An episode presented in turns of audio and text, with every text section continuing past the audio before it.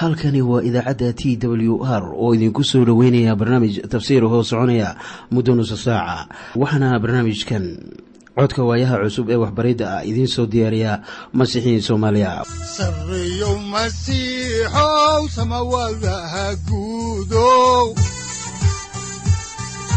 Siraadkii adduunkow subanaha eebow sareyow masiixow samawadaha guudow siraadkii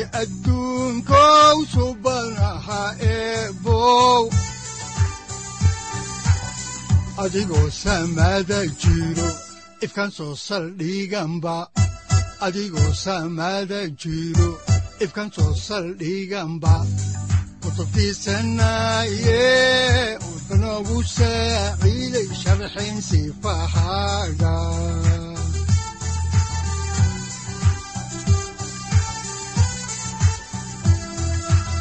kutubtiisinayo ebanagu saaciid sharxin sifahaaga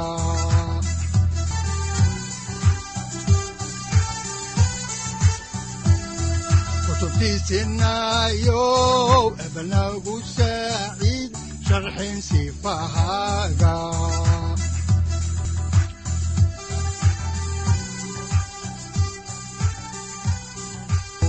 mar kale ayaanu dhegaystayaal idinku soo dhoweyneynaa barnaamijka.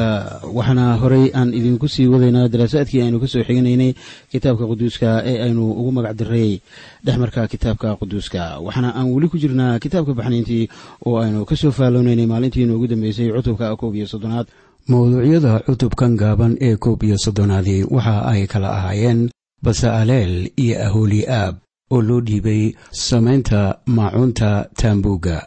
Waxaa kaloo cutubkan koob iyo soddonaad looga hadlayaa ahmiyadda ay leedahay maalinta sabtida. Waxaana ka hadalnay ahmiyadda luubaadinta goorta la shidi jiray ama lagu shidi jiray taambuugga waxaana ay ahayd subaxdii hore iyo weliba fiidka dambe waxaana loo shidi jiray ilaah oo keliya intuun boqorku soo noqono baabkana la soo xidhinay intuun boqorku soo noqono baabkana la soo xidhinay dadalow baraarugaye balankeenu waasaase dadalow baraarugaye balankeenu waasaase ballankii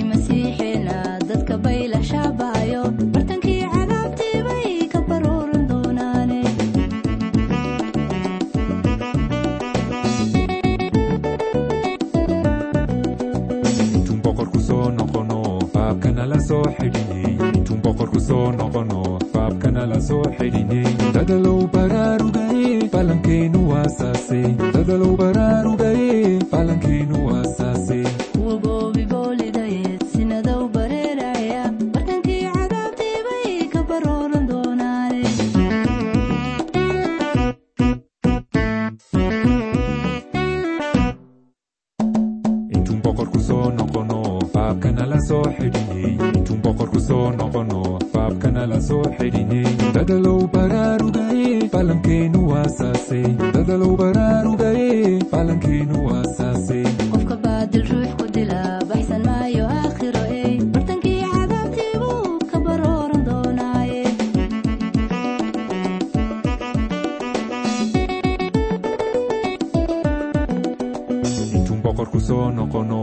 baabkana la soo xidhinay intuun boqorku soo noqono baabkana la soo xidhinay dadalow baraarugaye balankeenu waasaase dadalow baraarugaye balankeenu waasaase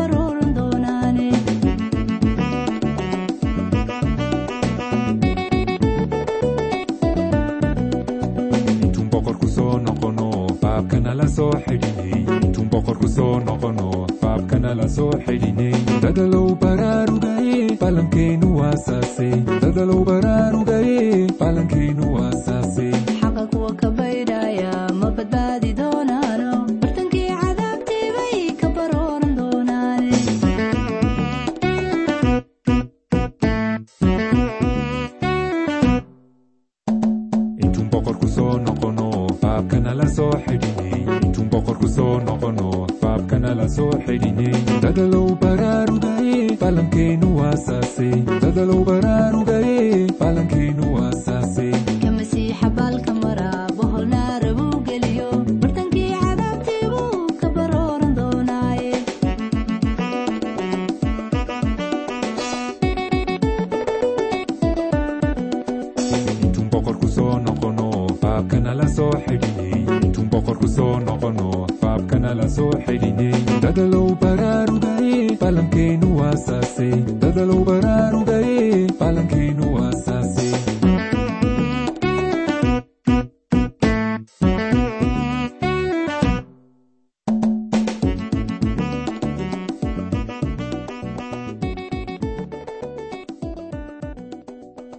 dhegeystayaal waxa ay inoo joogtay bilowga cutubka koob iyo soddonaad waxaanan soo gebagabeynay cutubkii soddonaad iyo mawduucyadii oo ku saabsanaa luubaadinta. Haddaan intaa doodii ka dambeysay adeegidda iyo hibada aan kaga baxo ayaan iminka waxa aan idin bilaabayaa maado aad iyo aad muhiim u ah. Waxaana weeye maalinta sabtida oo looga dhigay reer banu israa'iil calaamad waxaa jira haddaba arrin kale oo ahmiyaddiisu sarrayso oo inoogu qoran qaybtan ama cutubkan waxaana weeye inaannu haddaba aragno arrinka ahmiyadda leh. Waxa weeye maalinta sabtida. Dad badan ayaa iska indhatiraa maalinta sabtida. Maalinta sabtida waxaa iska lahaa aadmiga ka gadaal markii ilaah abuuray dunida oo waa la dhowri jiray. Markii la soo gaaray haddaba wakhtigii muusena waxaan arkaynaa in ilaah ku soo daray tobanka wasiyadood waxaana la leeyahay waa inaadan maalinta sabtiga shuqul qabanin. Waxaana sabtida iska lahaa oo keliya reer binu israa'iil. Weli waxaa sii soconaya haddaba dhegeystayaal meeriska cutubka koob iyo soddonaad waxaanan iminka ka bilaabayaa akhriska aayadda labayo tobanaad ilaa tan saddex iyo tobanaad ee kitaabka baxniintii waxaana qoran sida tan. Markaasaa rabbigu muuse la hadlay oo waxa uu ku yidhi waxaad la hadashaa reer binu israa'iil oo waxaad ku tidhahdaa sida runta ah waa in aad dhowrtaan ayaamahayga sabtiyaasha ah. Waayo waa calaamo idiin dhex taalla aniga iyo idinka kaab kaab si aad u ogaataan inaan anigu ahay rabbiga quduus idinka dhigaya. Sabtida haddaba waxaa la siiyey khaas ahaan reer binu israa'iil balse aniga ilama ahan in la siiyey kiniisadda. Qof baa igu yidhi oo goormaa la beddelay xeerkii sabtida. Aniguna waxaan ku idhi sabtida xeerkeedii isma beddelin habase yeeshee xeerkaas kiniisadda ma quseeyo. Haddaba marka la eego xeerkaas kiniisadda ayaa ciise masiix maalintii sabtigii isagu uu meyd ahaa. Wuxuuna soo saro kacay maalintii axadda. Sababtaas ayaa keentay in kiniisaddu qaadato go'aanka ah in ay dhowrto maalinta axadda. Waxaa kaloo ahmiyadda siinaya kiniisadda in ay dhowrto maalinta axadda. In markii ugu horreysay ee kiniisadda ay kulantay ay ahayd maalin axada waxna ay ahayd maalintii bentecost ee ruuxa ilaah. Uu ku soo dul shubay dad badan oo muxaadarada joogay ha yeeshee ilaa waxa uu maalinta sabtida ah siiyey reer binu israa'iil. Haddaan markaa horey idinku sii wado haddaba dhegaystayaal meriska cutubka koob iyo soddonaad ayaan idiin akhriyaya haddaba aayadda afar iyo tobanaad ee isla cutubka koob iyo soddonaad waxaana qorniinku uu leeyahay sida tan haddaba waa in aad dhowrtaan sabtida waayo waa idiin quduus oo mid kasta oo ka dhiga wax aan quduus ahayn hubaal waa in la dilaa waayo kuwa laakiin maalintaa shaqeeyaa dee qofkaas waa in laga gooyaa dadkiisa. Waxaan weydiin lahaa dadka sabtida dhowra in ay u dhowraan sidii ilaah ka doonayey iyo in kale. Waxaana kaloo aan jeclaan lahaa inaan ogaado in la arkay dad aan dhowrin sabtida oo la dili sababta aawadeed ayaan u idhi sabtiga waxaa iska leh reer binu israa'iil. Waxaa jira haddaba qolooyin badan oo masiixiyiina oo dhowra maalinta sabtida waxaana loo yaqaanaa seven day adventist. Waxaana ay haddaba xoog lahayd sabtidu wakhtigii reer binu israa'iil ay xukumayeen boqorrada iyo wadaadada oo dadkuna ay ku dhaqmi jireen habase yeeshee reer binu israa'iil weli waa qadariyaan maalinta sabtida. Haddaan horey idinku sii wado ayaa waxaa qurniga quduuska ay leeyahay sida ku qoran cutubka koob iyo soddonaad aayadaha shan iyo toban ilaa toddoba-iyo toban oo waxaa qoran. Lix maalmood waa in shuqul la qabtaa laakiinse maalinta toddobaad waa in sabti nasasho ah oo rabbiga quduus u ah ay idiin noqoto oo ku alla kii maalinta sabtida shuqul qabtaa hubaal waa in la dilaa sidaas daraaddeed reer binu israa'iil waa in ay sabtida dhowraan iyaga oo ka'ab ka'ab sabtida u dhowraya axdi weligiis ah. Aawadiis. Waa calaamo weligeed ina dhex taalla aniga iyo reer binu israa'iil. Waayo rabbiga lix maalmood buu ku sameeyey samada iyo dhulka oo maalintii toddobaad waa nastay.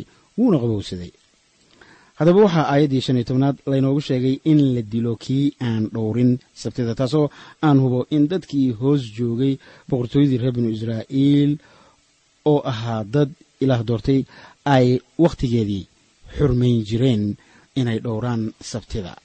Oo welibana ay hirgeliyeen laakiin markii israa'iil ay ilaah ka tageen marar badan ayaan filayaa in la jebiyey sharciga iyo kuwo kale oo ka sii muhiimsanaaba. Ha yeeshee layaab ma ahan in haatan maalinta sabtida ay fasax ka tahay dalka israa'iil. Waayo waxa ay ka mid tahay tobanka wasiyadood in maalintaa la nasto. Haddaba qidcadan waxa ay leedahay waxaa iskale reer binu israa'iil. Iyaga ayaa laga doonayaa inay maalintaa dhowraan laakiin maahan dadka kale. Waa axdii iyaga iyo ilaaha reer binu israa'iil u dhexeeya. Haddaba kiniisadda sida boolos inoo sheegayo waa abuur cusub. waxaana ay leedahay maalin cusub oo ah maalinta koowaad ee toddobaadka. Haddaan haddaba inta ku ekayno cutubkii koob iyo soddonaad ayaanu haatan bilaabaynaa cutubka labiyo soddonaad. Mawduucyada haddaba uu ka kooban yahay cutubkan waxaa ka mid ah reer binu israa'iil oo samaysanaya weyl dahaba oo ay ilaah beddelkiisii gelinayaan muuse oo caro aawadeed dhagaxii ay ku qornaayeen tobanka wasidood jebinaya iyo weliba isaga oo ilaah u baryaya dadka ilaa waxa uu doonayaa in uu baabi'iyo haddaba reer binu israa'iil ilaa wuxuu soo badbaadiyey iyaga wuxuuna doonayey inuu quruun gaar ah oo uu jecel yahay ka dhigto iyana waxa ay durbadiiba bilaabeen in ay asnaam caabudaan. Waxaana aan ugu horumarinayaa haddaba maadada khusaysa weysha dahabka ah. Cutubkan waxa uu ina horkeenayaa haddaba masiibo cadiim ah oo ku dhacday reer binu israa'iil ka gadaal markii ay weysha samaysteen. Waxaa kaloo cutubkan ku qoran baryadii addoonkii rabbiga ee muuse ahaa u baryootamay dadkiisii ee inoogu qoran kitaabka baibalka haddaan markaa cutubkan labayo soddonaad idiin bilaabo ayaa waxaa ku qoran aayadda koowaad. Sida tan oo markii dadkii arkay in muuse raagay oo uusan buurtii ka soo degin dadkii iyaga oo urursan ayay haaruun u yimaadeenoo waxa ay ku yidhahdeen kac oo inoo samee ilaahyo inoo hor socda waayo muusahan oo ah ninkii inaga soo bixiyey dalkii masar garan mayno waxa ku dhacay. Waxay yidhaahdeen garan mayno wixii ku dhacay muuse. Dadkan waxa ay la ahayd in muuse iska tegay ama la dilay ama uu iska dhintay. Marka maadaama muuse aan la arag ayay la noqotay in ay samaystaan asnaam hogaamisa ilayn garasho ma lahayne oo waxa ay ahaayeen faracii hore ee israa'iil mana ayan garanaynin wax badan oo khuseeyay ilaah marka haaruun bay u yimaadeen maadaama haaruun uu ahaa wadaadka sare waxna ay u keeneen haaruun dahab dumarku lahaa. Haddaan markaa hore idinku sii wado cutubka laba iyo soddonaad ayaa iminka. Aan idin akhriyayaa aayaddii labaad waxaana qoran sida tan. Markaasaa haaruun waxa uu iyagii ku yidhi soo bixiya hilqadaha dahabka ah oo dhagaha ugu jira naagihiinna iyo wiilashiinna iyo gabdhihiinna oo ii keena. Markii ay u yimaadeen oo ku yidhaahdeen ilaahyo noo samee ayaa uu ku yidhi ka soo gura gabdhaha iyo dumarka. Aad qabtaan wixii dahaba waayo dahab badan ayaa ay masar ka soo qaateen. Markii ilaaha israa'iil uu masar wax ku dhuftay dadkii oo dhan cabsi baa gashay waayo afar boqol oo sannadood ayaa la gumaysanayay reer binu israa'iil.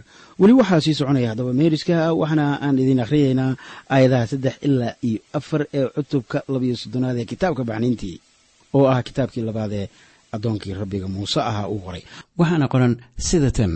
Markaasaa dadkii oo dhammu waxa ay soo bixiyeen hilqadihii dahabka ahaa oo dhagaha ugu jiray oo waxa ay u keeneen haaruun kolkaasuu gacmahooda ka guddoomay oo waxa uu ku xardhay alaabta wax lagu xardho waxna uu ka sameeyey weyl dahab la shubay ah oo waxa ay yidhaahdeen reer binu israa'iilow kanu waa ilaahaynii dalka masar idinka soo waday. Haddaba ma qiyaasi kartaa in dad sidii la ogaa loo soo badbaadiyey haddana dib ugu noqonaya sanam caabud. Haddaba markii aan malamaleeyo waxa aan aniguna qiyaasayaa in dhallinyarada maanta ay qadka ka sii baxayaan oo welibana aanay lahayn cid celinaysa. Haddii aan idiin sii wado haddaba dhegaystayaal kitaabka ayaan iminka hoos ugu dhaadhacaynaa aayaddii lixaad waxaana qorniinku leeyahay sida tan markaasay subaxdii dambe aroor hore keeneenoo waxa ay bixiyeen qurbaanno la gubo oo waxa ay keeneen qurbaanno nabaadiino markaasay dadkii u fadhiisteen in ay wax cunaan oo wax cabaan oo ay u kaceen inay ciyaaraan. Waxaa isla markiiba ay ku dhaceen asnaam caabud. Waa dadkii ilaah soo badbaadiyey. Waxaana ay bilaabeen in ay tuntaan or iyo ciyaar oo welibana ay farxad darteed khamri isaga badiyaan haddaba inta waxyaalahanu dhacayaan ayaa muuse weli saaran yahay buurta. Waxaana uu ilaah ka soo qaadanayaa looxii sharciga iyo talooyin ku aadan sidii loo dhisi lahaa tambuugga haddaba iminka waxaanu u gelaynaa maadada kale ee ah eeddii ilaah dusha ka saaray reer binu israa'iil. Si markaa aynu wax kaga ogaano eedda ayaanu iminka idin akhriyeynaa kitaabka baxnayntii cutubka labiyo soddonaad aayadaha toddoba ilaa sideed sidii ilaah kaga jawaabay dibudhicii reer binu israa'iil waxaana qoran sida tan hoos ku xusan markaasaa rabbigu waxauu muuse ku yidhi kac oo hoos u deg waayo dadkaagii aad dalkii masar ka soo bixisay way isqarrabeen oo haddiiba way ka leexdeen jidkii aan ku amray oo waxa ay samaysteen weyl dahab la shubay ah wayna caabudeen oo allabari na way u bixiyeen oo waxaana ay yidhaahdeen reer binu israa'iilow kan waa ilaahiinii dalka masar idinka soo waday. Haddaba ciqaabta ilaah iminka uu soo diri doono ayaa waxa ay ku timid ama ku imanaysaa in ilaah marnaba aanu ogolaanaynin amaanu ogolaan karin in dadkiisu ay u leexdaan asnaam caabud. Waayo ilaah isagaa nolosha uumay waxaana zabuurluhu uu yidhi kan isha abuuray sow wax arki maayo. Oo kan dhegta sameeyena sow wax maqli maayo. Oo waxa uu leeyahay waan garanayay inaad tihiin quruun qalafsan oo madax adag. Sidaan ku arki doonno aayadaha soo socda. Haddaan markaa horey idiinku sii wado meeriska cutubka laba iyo soddonaad ayaan iminkana idiin gelaynaa aayadaha sagaal ilaa toban waxaana qoran sida tan. Kolkaasaa rabbigu waxa uu muuse ku yidhi anigu dadkan waan arkay oo waa dad madax adag haddaba iska keydaa oo aan aad ugu caroode oo aan kulligood baabi'iye oo waxaan adiga kaa dhigi doonaa quruun weyn markii haddaba ilaah ku yidhi muuse waxaan adiga kaa dhigi doonaa quruun weyn oo adiga ayaan axdigii ibraahim aan la dhigtay kula dhigan doonaa. Ayaa taasu noqonaysaa tijaabo weyn oo qofka aadmiga ahi u aqbali lahaa balse iminka aynu egno sidii muuse oo addoonkii rabbiga ahaa uu kaga jawaabay waxaana uu leeyahay sida tan soo socota ee ku qoran aayadda koob iyo tobanaad oo leh markaasaa muuse baryey rabbiga ilaahiisa ah oo waxa uu ku yidhi rabbiyow maxaad aad ugu caroonaysaa dadkaaga aad dalkii masar kaga soo bixisay itaal weyn iyo gacan xoog leh. Ilaa waxa uu muuse ku yidhi haddii aad xusuusan tahay.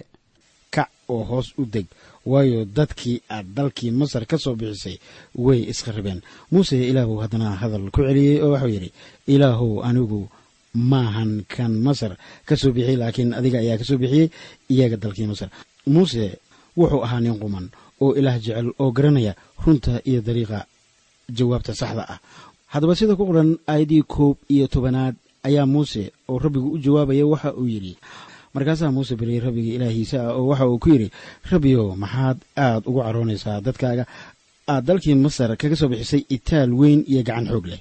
Haddaba ma qiyaasi kartaa adiga oo sida muuse oo kale ilaah ula hadlaya? Sidee bay xaaladda kula noqon lahayd? Haddaan markaa horey idiinku sii wado meeriska ayaan idin akhriyayaa cutubka labayo soddonaad aayadda labayo tobanaad waxaana qoran sida tan muuse ayaa hadalka wata oo waxa uu leeyahay bal masriyiintu maxay u odhan doonaan? Wuxuu iyaga u saaray xumaan inuu buuraha ku laayo iyo inuu dhulka iyaga ka baabi'iyo.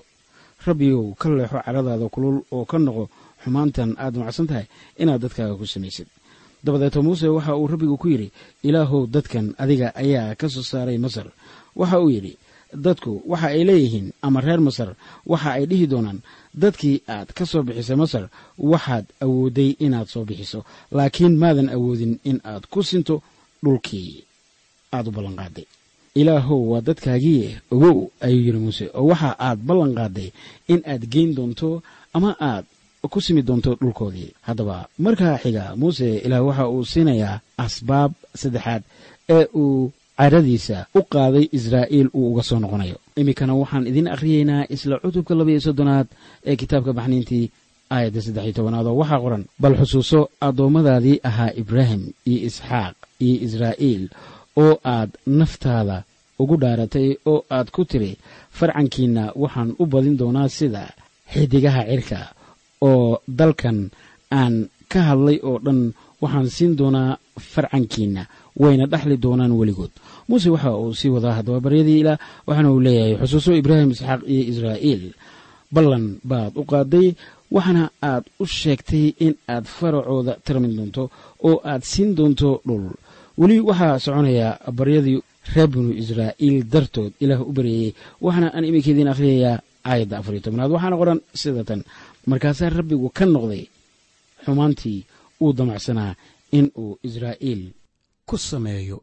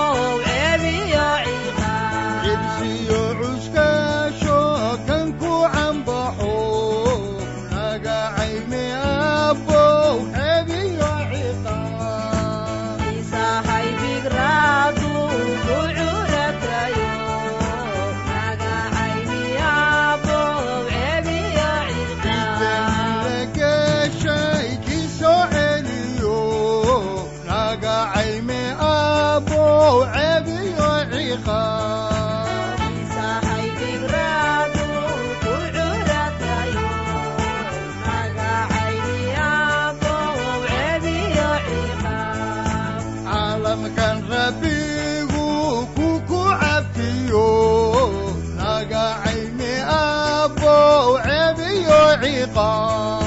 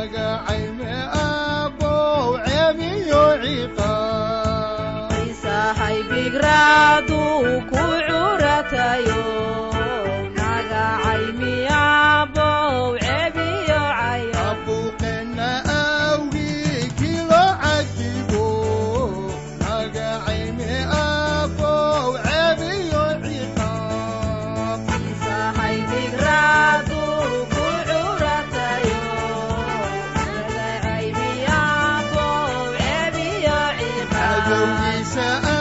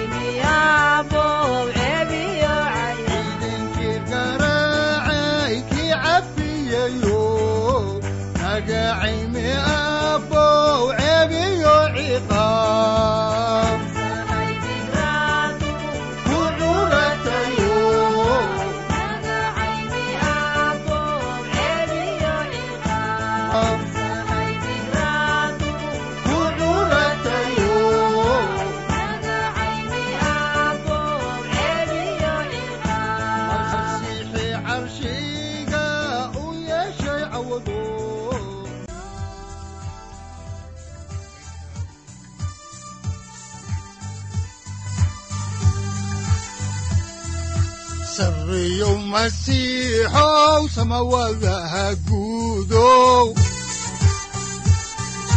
Siraadkii adduunkow subanaha eebow. Sarreeyow masiixow samawadaha guudow. Siraadkii adduunkow subanaha eebow siraadkii adduunkow subanaha eebow sarreeyow masiixow samawadaha guudow siraadkii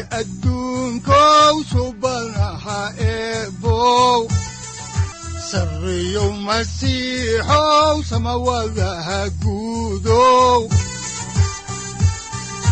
siraadkii adduunkow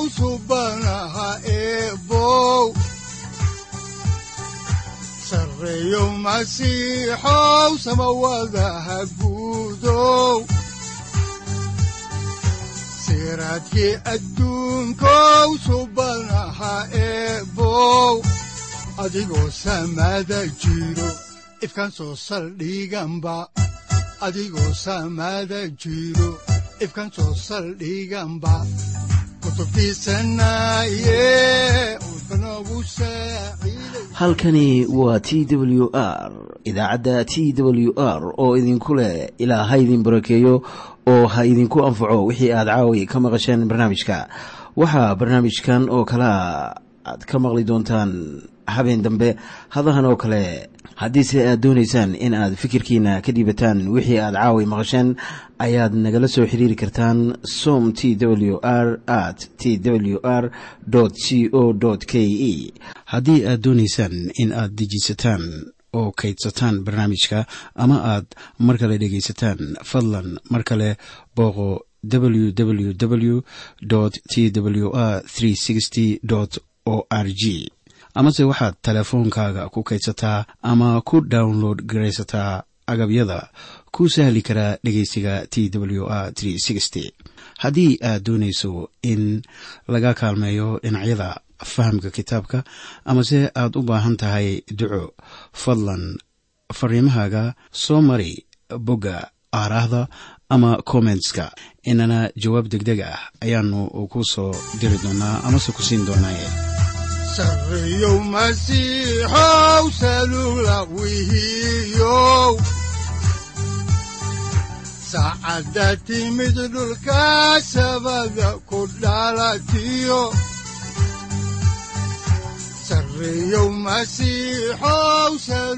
halkani waa t w r oo idiin rajaynaya habeen baraare iyo barwaaqaba leh inta aynu ka gaari doono wakhti aynu ku kulanno barnaamij la mida kan caawayay aad maqasheen. Waxa aan idinku leeyahay nabadda ciise masiix ha idinku badato xagga jirka iyo ruuxaba. Aamiin